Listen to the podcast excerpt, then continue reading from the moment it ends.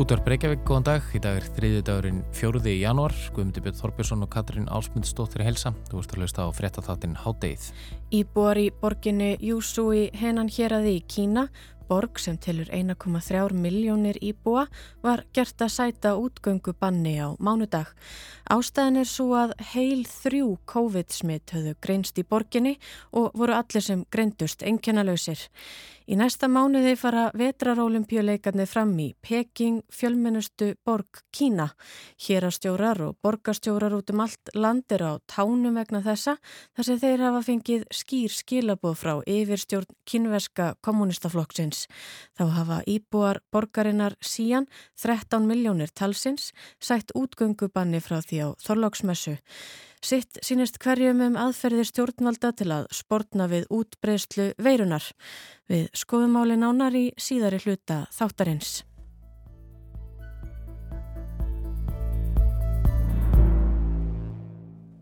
Hinn 37 ára gamli frumkvöld Elisabeth Holmes, stofnandi Theranos tæknifyrirtækisins, var í gerð sakveld af kviðdómi í Kaliforníum fyrir skattsvig, fyrir fjársvig afsækiðu og nú á nú yfir höfðu sér ára tuga fangelsisvist.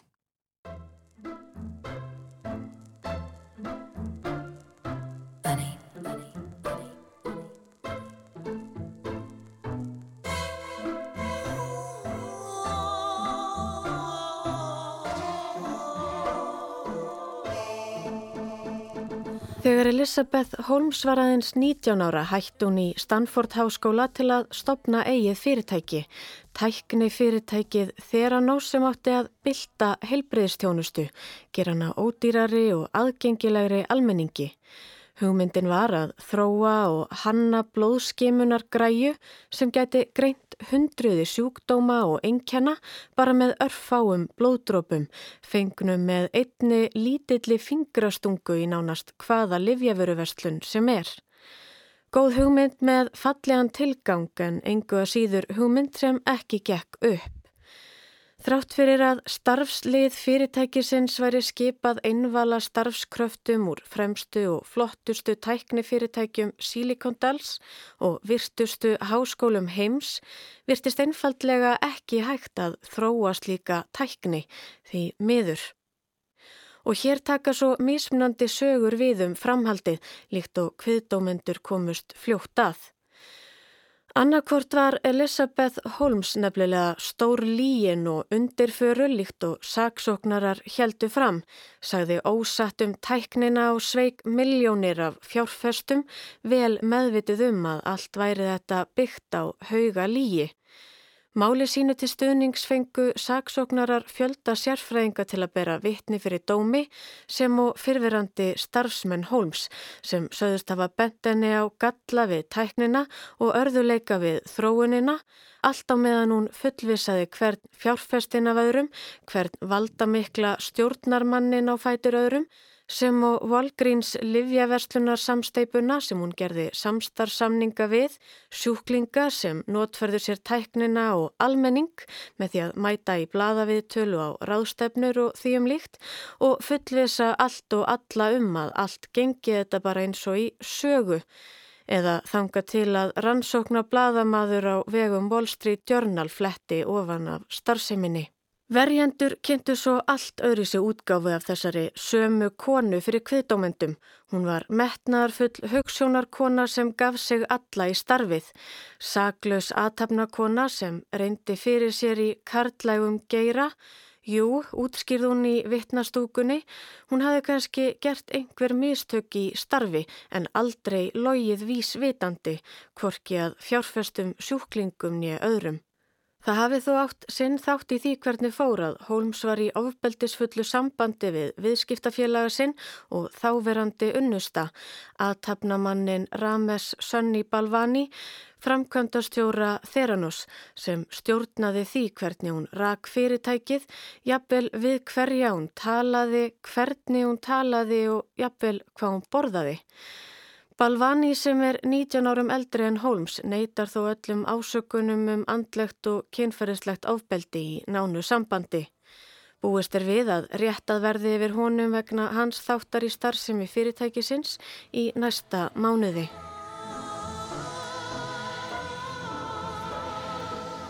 Það var eflaust ekki auðvelt fyrir kviðdómendur að koma stað sannleikanum sé hann yfir höfuð einhver staðar að finna.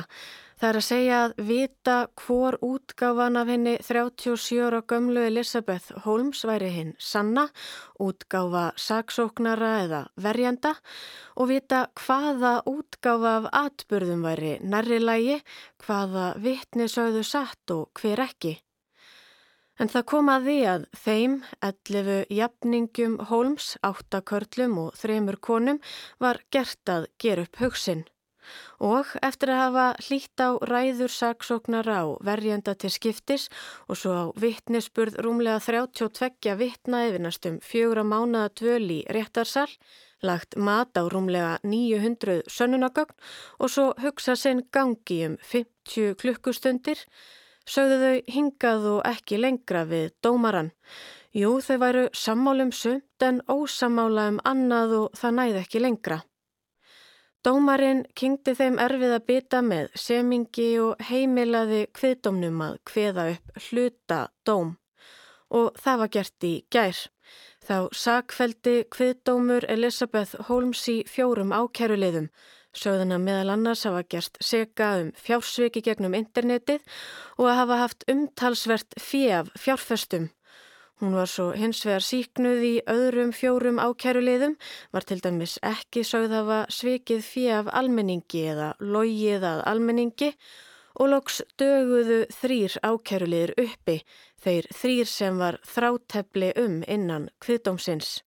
The jurors in this 15-week trial navigated a complex case amid a pandemic and scheduling obstacles. The guilty verdicts in this case reflect Ms. Holmes' culpability in this large-scale investor fraud, and she must now face sentencing for her crimes. Holmes verði nú gert að sæta refsingu fyrir þá glæpi sem hún framti, sagði í tilkynningu frá Stefani Heinz, allríkisaksóknara Kaliforníuríkis, skömmu eftir að kviðdómendur greindu frá niðurstöðu sinni. En þrátt fyrir að tölfræðilega séðvirðist niðurstaða kviðdómsins kannski ekki svo slæm Hún var svo segum fjóra af 11 ákæruliðum, er útlitið þó ekki gott fyrir Holmes en hún á yfir höfði sér alltaf 20 ára fangelsi fyrir hvern ákærulið sem hún var fundin segum og gæti því átt margra áratöga fangelsi yfir höfði sér eða allt eftir því hvernig augum dómari lítur á máli þegar að refsjá hverðun kemur. Ekki er enn ljóst hvenar það verður og jafnvel er mögulegt að það verði ekki fyrir en eftir að málinu gegn Balvani verði lokið.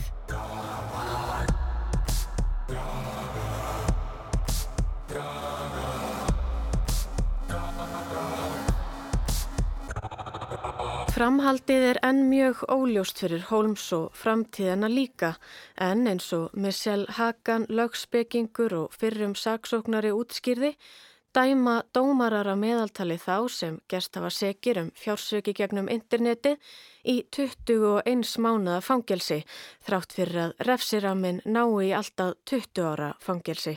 Hins vegar þar sem réttarhöldin yfir Holmes er ákveðin tímamóta réttarhöld og vegna þeirra háu fjárhæða sem hún er svo segum að hafa svikið úr fjárfestum samkvæmt kviðdómendum um 144 miljónir bandaríkjadólara gæti það verulega aukið á refsilengdina. Einnið talið afar líklegt að Holmes áfríi sama hver niðurstaða dómara verður. Í ofanálag geta saksóknarar sótt Holmes aftur til saka vegna þeirra þryggja ákæruleiða sem hviðdómur náði ekki niðurstöðu um, sínist þeim svo. Málinu er því kannski langt frá því lokið þótt hviðdómendur hafi lokk skilað sínu. En leksjan er kannski engu að síður komin til skila eða eins og Hagan sagði, niðurstaða kviðdómsins var ákveðin vakning, ákveðin viðvörun til sílikondælinga um að gæta sín, gæta að orðum sínum og yfirlýsingum, tryggja að allar upplýsingar séu réttar og að hægt sé að færa sönnur á það. Að gerast segur um ránkverslur, falskar yfirlýsingar og villandi upplýsingar sé nefnilega ekkert grín, ekki heldur innan nýsköpunar og teknigeirans og geti þýtt alltaf 20 ára bak við lás og slá. It's a wake-up call to Silicon Valley or to anybody out there, any business owner out there who makes statements that are misrepresentations or false or fraudulent. They need to be very careful about what they say to people, make sure that they, it's truthful and they can back it up because wire fraud is no joke and you're looking at up to 20 years in prison. En þá höldum við til Kína. Rúm tvö ár eru frá því að fyrsta tilfelli koronaveirunar greindist í borginni Wuhan. Síðan þá hefur veiran farið sem eldur í sínu um heimsbyðina, tæplega 300 miljón tilfelli hafa greinst og um 5,5 miljón hafa látist af völdum veirunar. En í Kína fjölmennasta ríki heims og þar sem veiran á upptök sín hafa aðeins rúmlega 100.000 manns greinst með veiruna. Aðeins segi ég því það er láttala þegar litið er til útbreyslu veirunar á heimsvísu. Aðeins hafa 5.000 látist af völdumennar í Kína til samanburðar við 826.000 í bandaríkjunum einum saman þar sem yfir 55 miljónir hafa greinst með COVID-19. En þessar lágu smittölur í Kína hafa kostað sitt og það er ekki tekið út með sældinni að sæta útgöngubanni í landinu eins og íbúar nokkura borga hafa upplifað, nú síðast íbúar borgarinnar sían. Guðmundubjörn tekur nú við.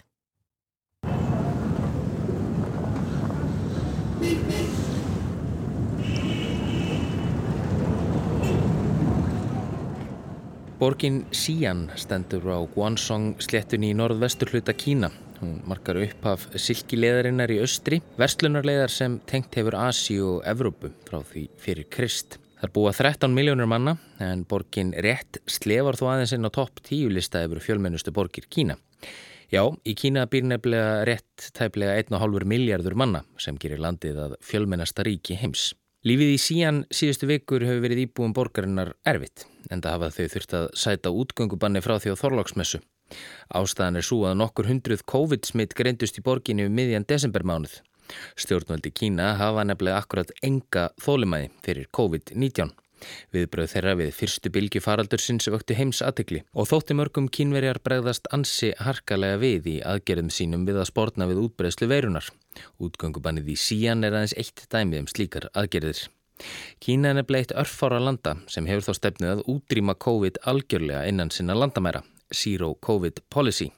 Þessi stefna felur í sér metnaðafulla smitrakningu, fjöldaprófanir, sóttkvífið komuna til landsins, útgöngubann og svo framvegis. Þessi stefna hefur einnig verið við líði í löndum á borð við Ástrali og Nýjasjáland þar sem ferðamönnum hefur algjörlega verið haldið frá landinu frá því faraldurinn hófst. En í Kína hafa stjórnvöld gengið lengra en önnur lönd. Borginni Wuhan í Húbei hér aðeins hvar fyrsta tilfelli kórnuverinar greindist fyrir rúmum tveimur árum var skellt í lás bókstaflega í upphafi árs 2020. Stránt útgöngubann tók gildi og var því ekki aflétt fyrir ennum miðjan april sama ár. Aðgerðir stjórnalda þóttu ganga langt. Lokað var á allar samgöngur til og frá borginni, öllum skólum lokað, öllum búðum nema apotekum og maturverslunum. Bílaumferð var bönnuð og aðeins einn fjölskyldumæðlumur mátti fara út á tveggja daga fresti til að kaupa nöðsinjar. Sumstaðar voru fjölbílishús vöktuð og reynlega komið í vekk fyrir með valdi að fólk kæmist út. Íbúar fleiri borga í landinu lendu í því sama. Útgöngubann var sett á í borginni Urmuki í Xinjiang hér aði í júli 2020. Í janúari fyrra fóru margar borgir í Hebei, Jilin og Heilijuang hér aðum sömu leið og í oktober tók útgöngubann í gildi í borginni Lanzhou sem telur rúmar fjórar miljónir þegar sex tilfelli COVID-19 greindust þar. Sex tilfelli, já, þeir eru rétt.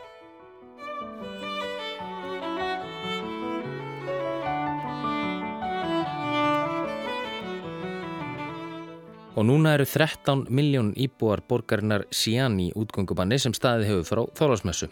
Þá var íbúum borgarinnar gert að sæta útgöngubanni af 8 við omikronafbreyði kórnuverinar og til að koma í veg fyrir útbreyslu þess. Yfir 250 tilfelliðu greinst í borginni og því skellt í lás. Útgöngubönn hafa týðkast víða um heim frá því faraldrinum blossaði fyrst upp fyrir tveimur árum en þau komast ekki með tærnar þar sem útgöngubönn í Kína hafa hælana hvað við kemur ströngum reglum. Í Sían hefur útgöngubannið verið með keimlikum hætti og annar staðar í landinu. Bílaumferð var bönnuð og fólki fyrirskipað að halda sig heima. Uppalega var einum fjölskyldumöðlimi heimilað að fara út á tveggjadaga fresti til að kaupa mat og aðrar nöðsynjavörur. En harkan hefur færst í aukana. Á mánudagin í síðustu viku var þessum reglum breytt og öllum sem hafðu ekki neikvægt COVID-19 prófundur höndum bannað að yfirgefa heimili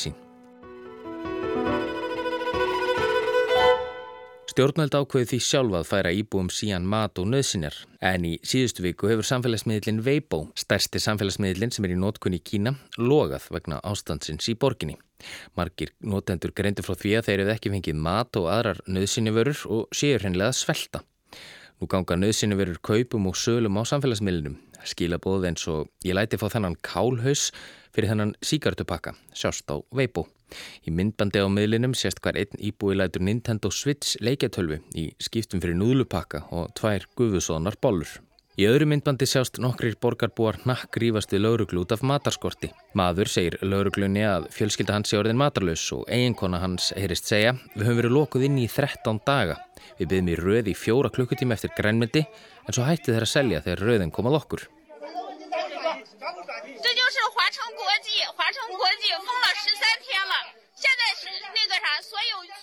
Á miðugudagi síðustu viku greindu stjórnvöld frá því að skortur á sjálfbóðaliðum, heilbriði starfsfólki og vegna annara erfileika sem felast í fluttningi matarbyrða hefur verkefnið reynst stjórnvöldum erfitt. Stjórnvöld eru þó á þeirri skoðun að íbor síjan eigi að hafa fullt aðgengið nöðsynöfurum en íbor borgarinnar verðast vera á annari skoðun. Þið ríkisregna dagblad Global Times greindi frá því í vikunni að matarskamtar væri fluttir af sjálfbóðliðum að útið þeirra hörðum fólks en ekki tekist að manna stöður sjálfbóðliða nægilega vel.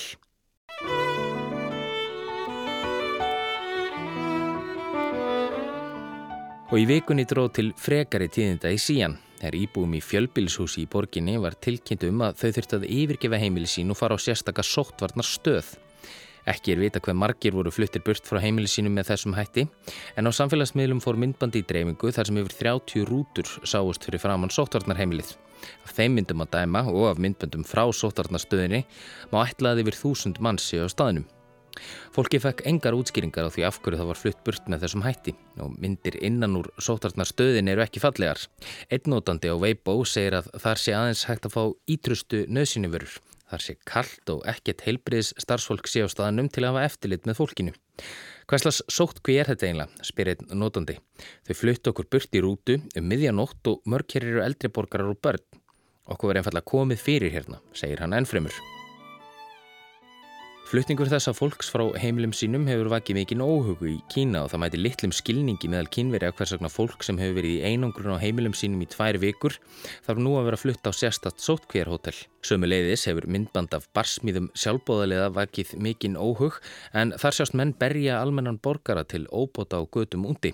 Maðurinn hafði brotið útgöngubann í þeim tilgangi að reyna verða sér út um mat.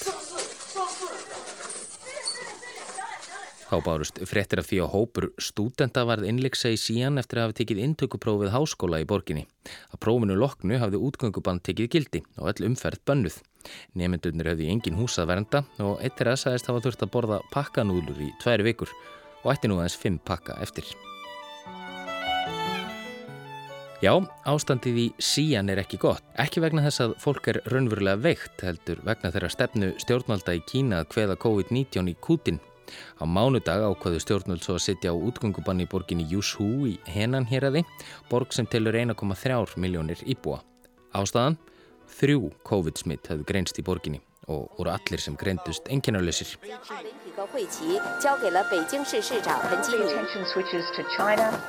enginarleysir.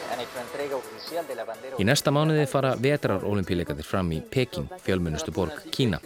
Hérastjórar og borgastjórar út um allt land er á tánum vegna þessa, þar sem þeir hafa fengið skýr skilaboð frá yfirstjórn kýmverska kommunistaflokksins. Muni COVID-faraldur brjótast út í þinni borg eða þínu svæði, gætir þú átt að hættu að vera dregin fyrir dóm vegna vannrækslu. Í síjan hafa tveir embættismenn verið reknir í kjölfar þess að nokkur hundru smitt greindust í borgin í desember. Og hraðslan meðal embættismanna um að vera reknir eða hreinlega dregnir fyrir dóm er því mikil. Í borginni Guangxi var almennum borgurum sem gerist segum að rjúfa sótkvíða brjóta sótvarnarlög gert að ganga í gegnum strætiborgarinnar í fyllt öryggisvarða með ólum halsin þeim til háungar og mingunar. Svona fer fyrir þeim sem rjúfa sótkví. Takk fyrir.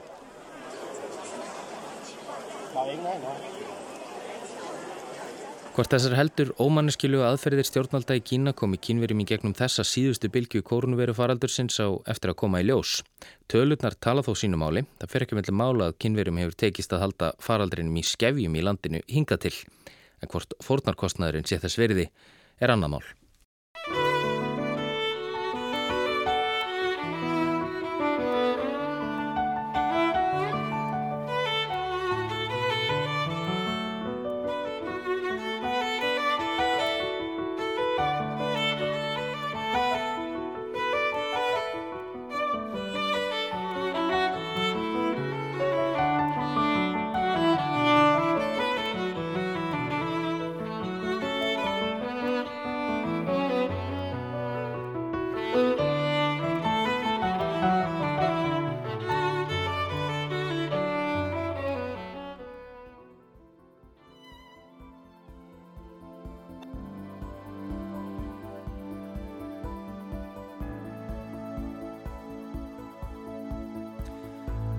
Hátæði verður ekki lengra í dag, við erum hér aftur á sama tíma á morgun.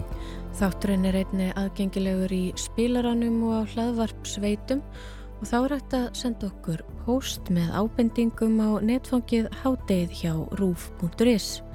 Verið sæl.